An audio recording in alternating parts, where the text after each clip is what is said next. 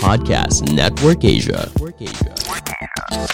Halo semua pendengar mitologi santuy, makasih untuk dengerin podcast mitologi kesayangan kita semua yang sudah lebih dari 100 episode kali ini. Sebelum kita lanjut dengan lanjutan cerita dari petualangan Theseus, gue pengen ngucapin terima kasih buat seseorang yang udah traktir gue di laman traktir mitologi santuy. Oh, dan juga ada satu lagi yang traktir gue, yaitu Irene. Thank you Irene, udah traktir. Dan kata seseorang, nyetrika jadi lebih seru karena dengerin mitologi santuy. Dan Irene juga bilang, kalau, hmm, dia menunggukan cerita tentang Jason. Ya, mungkin nanti kalau udah kelar dari Theseus, kita akan cerita tentang Jason dan petualangannya dengan para Argonaut. Anyway, buat kalian yang kepengen traktir gue, silahkan mampir di laman traktir mitologi santuy. Gue bakal terima kasih banget untuk semua traktiran yang masuk.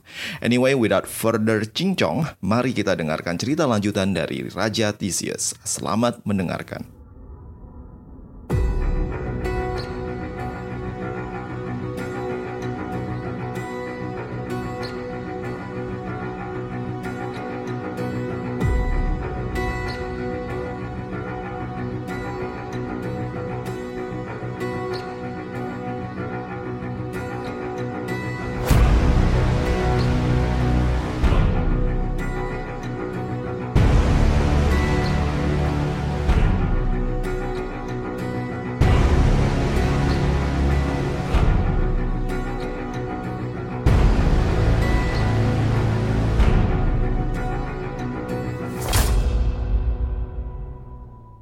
Piritos putra Zeus datang menghukummu.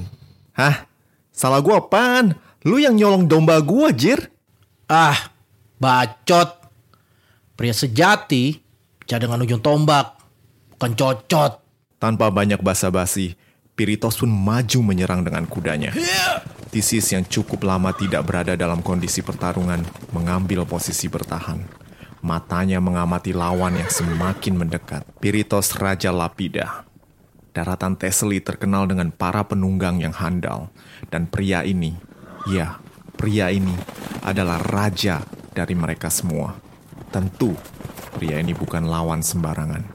Piritos tidak memberikan Theseus waktu untuk menganalisa situasi. Tangan kanannya yang kekar langsung menghujamkan tombak perunggu ke arah lehernya. Sang Raja Athena menghindar ke samping. Namun ternyata serangan tombak yang tadinya menghujam kini berubah menjadi gerakan menyapu. Kembali mengincar leher Theseus, berusaha untuk menebasnya. Untung saja, refleks Theseus yang tajam menyelamatkannya kali ini. Sang Raja Athena menarik tangan kirinya dan menepis tombak dan serangan Piritos yang keras membuat Theseus oleng sejenak, nyaris terbanting dari punggung kudanya. Heh, kau beruntung Theseus. Sekarang kita lihat apakah Nike masih berpihak padamu. Theseus kemudian mengambil perisai dari punggungnya dan berkata, Come and get them. Piritos kembali menyerang Theseus. Derap kudanya semakin cepat dan mengarah langsung ke Theseus. Hah, serangan yang sama, hanya lebih cepat. I know what to do. Theseus meletakkan tombaknya ke tanah dan menghunus pedangnya. Theseus mengamati serangan Piritos dan menunggu momentum tepat untuk membalas serangan. Ujung tombak Piritos tiba-tiba saja sudah kembali menusuk ke arah leher Theseus. Theseus mengangkat perisainya, berusaha untuk memantulkan serangan. Namun serangan yang ditunggu ternyata tidak datang. Dan seketika, insting Theseus memperingatkan adanya bahaya terselubung di balik kehampaan serangan Piritos. Sekelebat sinar tiba-tiba muncul dari bawah perisai bulat Theseus. Sinar mentari memantulkan cahaya dari ujung tombak Piritos yang mengincar perut Theseus. Theseus terkejut bukan kepalang. Ujung tombak Piritos hanya beberapa senti dari perutnya. Ajalnya tiba, tidak mungkin lagi menghindar. Namun saat sebentar lagi tombak Piritos mengoyak perut Theseus, ujung tombak tersebut menghilang. Lemah. Kata Piritos sambil berlalu melewati Theseus yang terkejut, mengira dirinya telah disate oleh tombak Piritos. Tampaknya Piritos menarik serangannya sebelum ujung tombaknya merenggut nyawa sang Raja Athena. Theseus merasa terhina oleh perlakuan Piritos. Sang pahlawan penakluk Minotaur ini merasa dirinya begitu dilecehkan dengan pengampunan yang diberikan oleh Piritos. Jahanam. Duel kita belum kelar. Mau ke mana lo? Theseus pun kemudian turun dari kudanya dan mengambil tombaknya. Theseus tahu kemampuannya bertempur di atas kuda tidak sebaik Piritos, dan dirinya harus membawa Piritos ke medan pertempuran yang menguntungkan bagi dirinya. Turun dari kuda lo, lawan gue nggak pakai kuda kalau lu berani. Sini.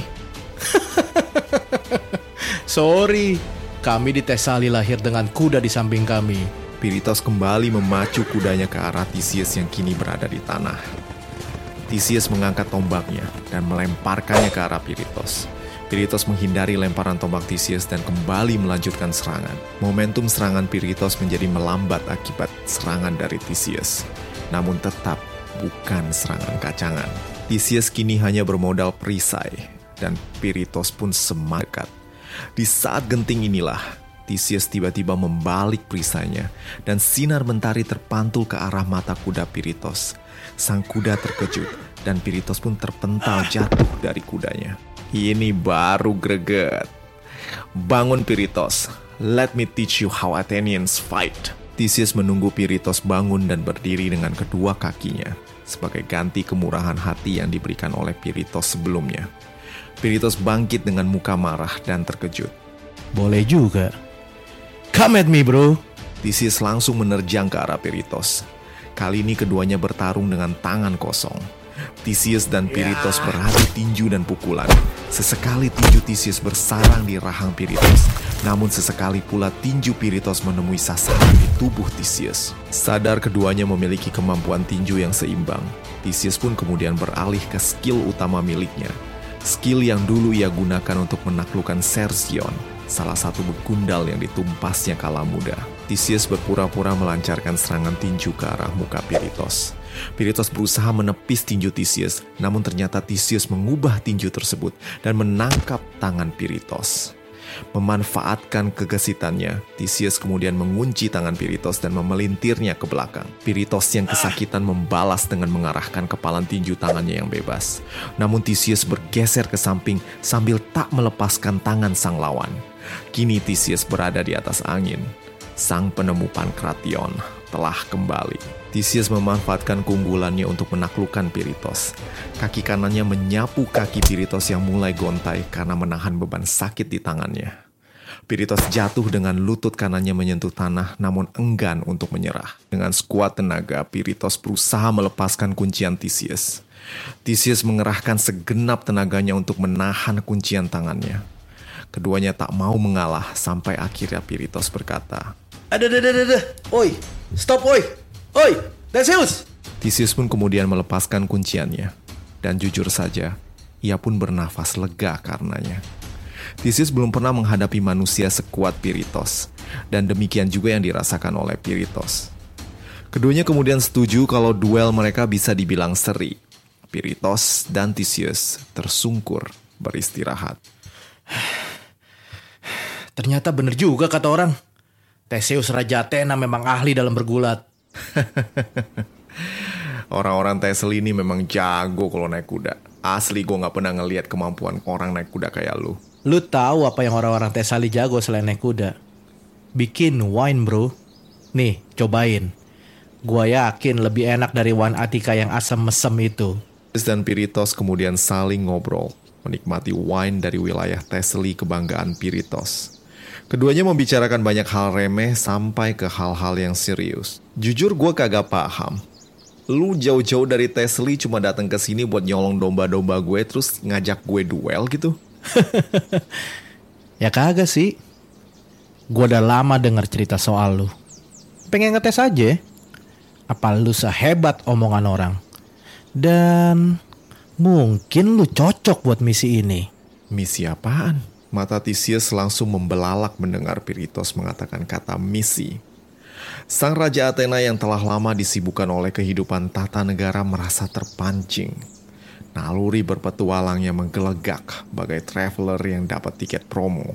Jadi gini bro, ada monster babi ngepet ngobrak-ngabrik wilayah Kalidon. Raja Oenius manggil semua pahlawan Yunani buat bunuh nih babi. Karena gue dengar lu pengalaman soal babi-babian, gue mau ngajak lu. Halah, babi ngepet itu nggak ada bro. Paling juga babi gede. Tapi misalnya gue mau juga gue kayaknya kagak bisa dah. Siapa yang ngurusin Athena kalau nggak ada gue? Alah, cupu lu.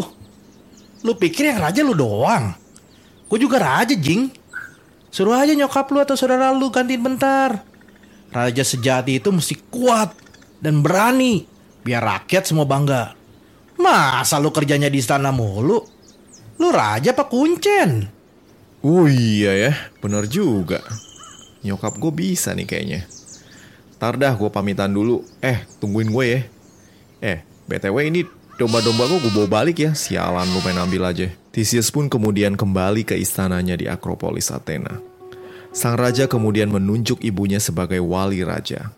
Theseus kemudian pamit dan pergi untuk menjalani petualangannya dengan Piritos. Tak pernah Theseus terlihat begitu hidup dan penuh dengan vitalitas kala ia meninggalkan Athena dengan kudanya. Gairah hidup yang dulu mengaliri darahnya kini kembali lagi. Theseus siap untuk petualangan baru. Misi perburuan yang dibicarakan oleh Piritos sebenarnya adalah misi perburuan babi hutan Kalidon. Jadi ceritanya Raja Oneus dari Kalidon mengadakan persembahan kepada semua dewa di Olympus. Tapi melewatkan Artemis, sang dewi bulan plus perburuan yang terkenal sangat sensian. Gua nggak tahu benar kelupaan atau emang sengaja, Raja Oeneus ini kemudian menyinggung amarah Artemis yang beneran dah. Don't mess with this goddess.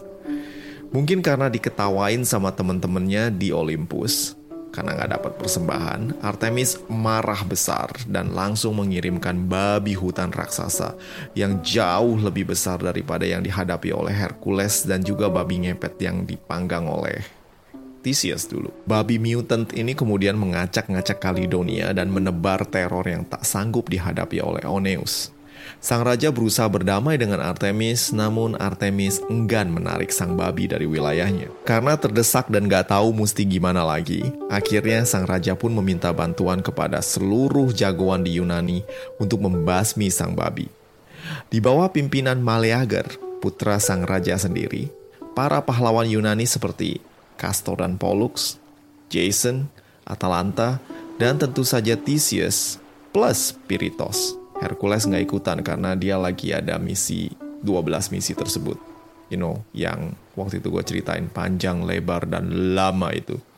Kalau kalian belum pernah denger, silahkan. Yang jelas, Hercules nggak ikut-ikutan dalam misi perburuan babi hutan ini. Karena misi perburuan ini bakal gue bahas di chapter lain dengan jagoan yang lain. Untuk menghindari spoiler, singkat kata gue bilang Theseus dan Piritos hanyalah figuran di cerita ini. Namun, pengalamannya mengalahkan babi hutan Kromion sangat berjasa dalam misi perburuan ini.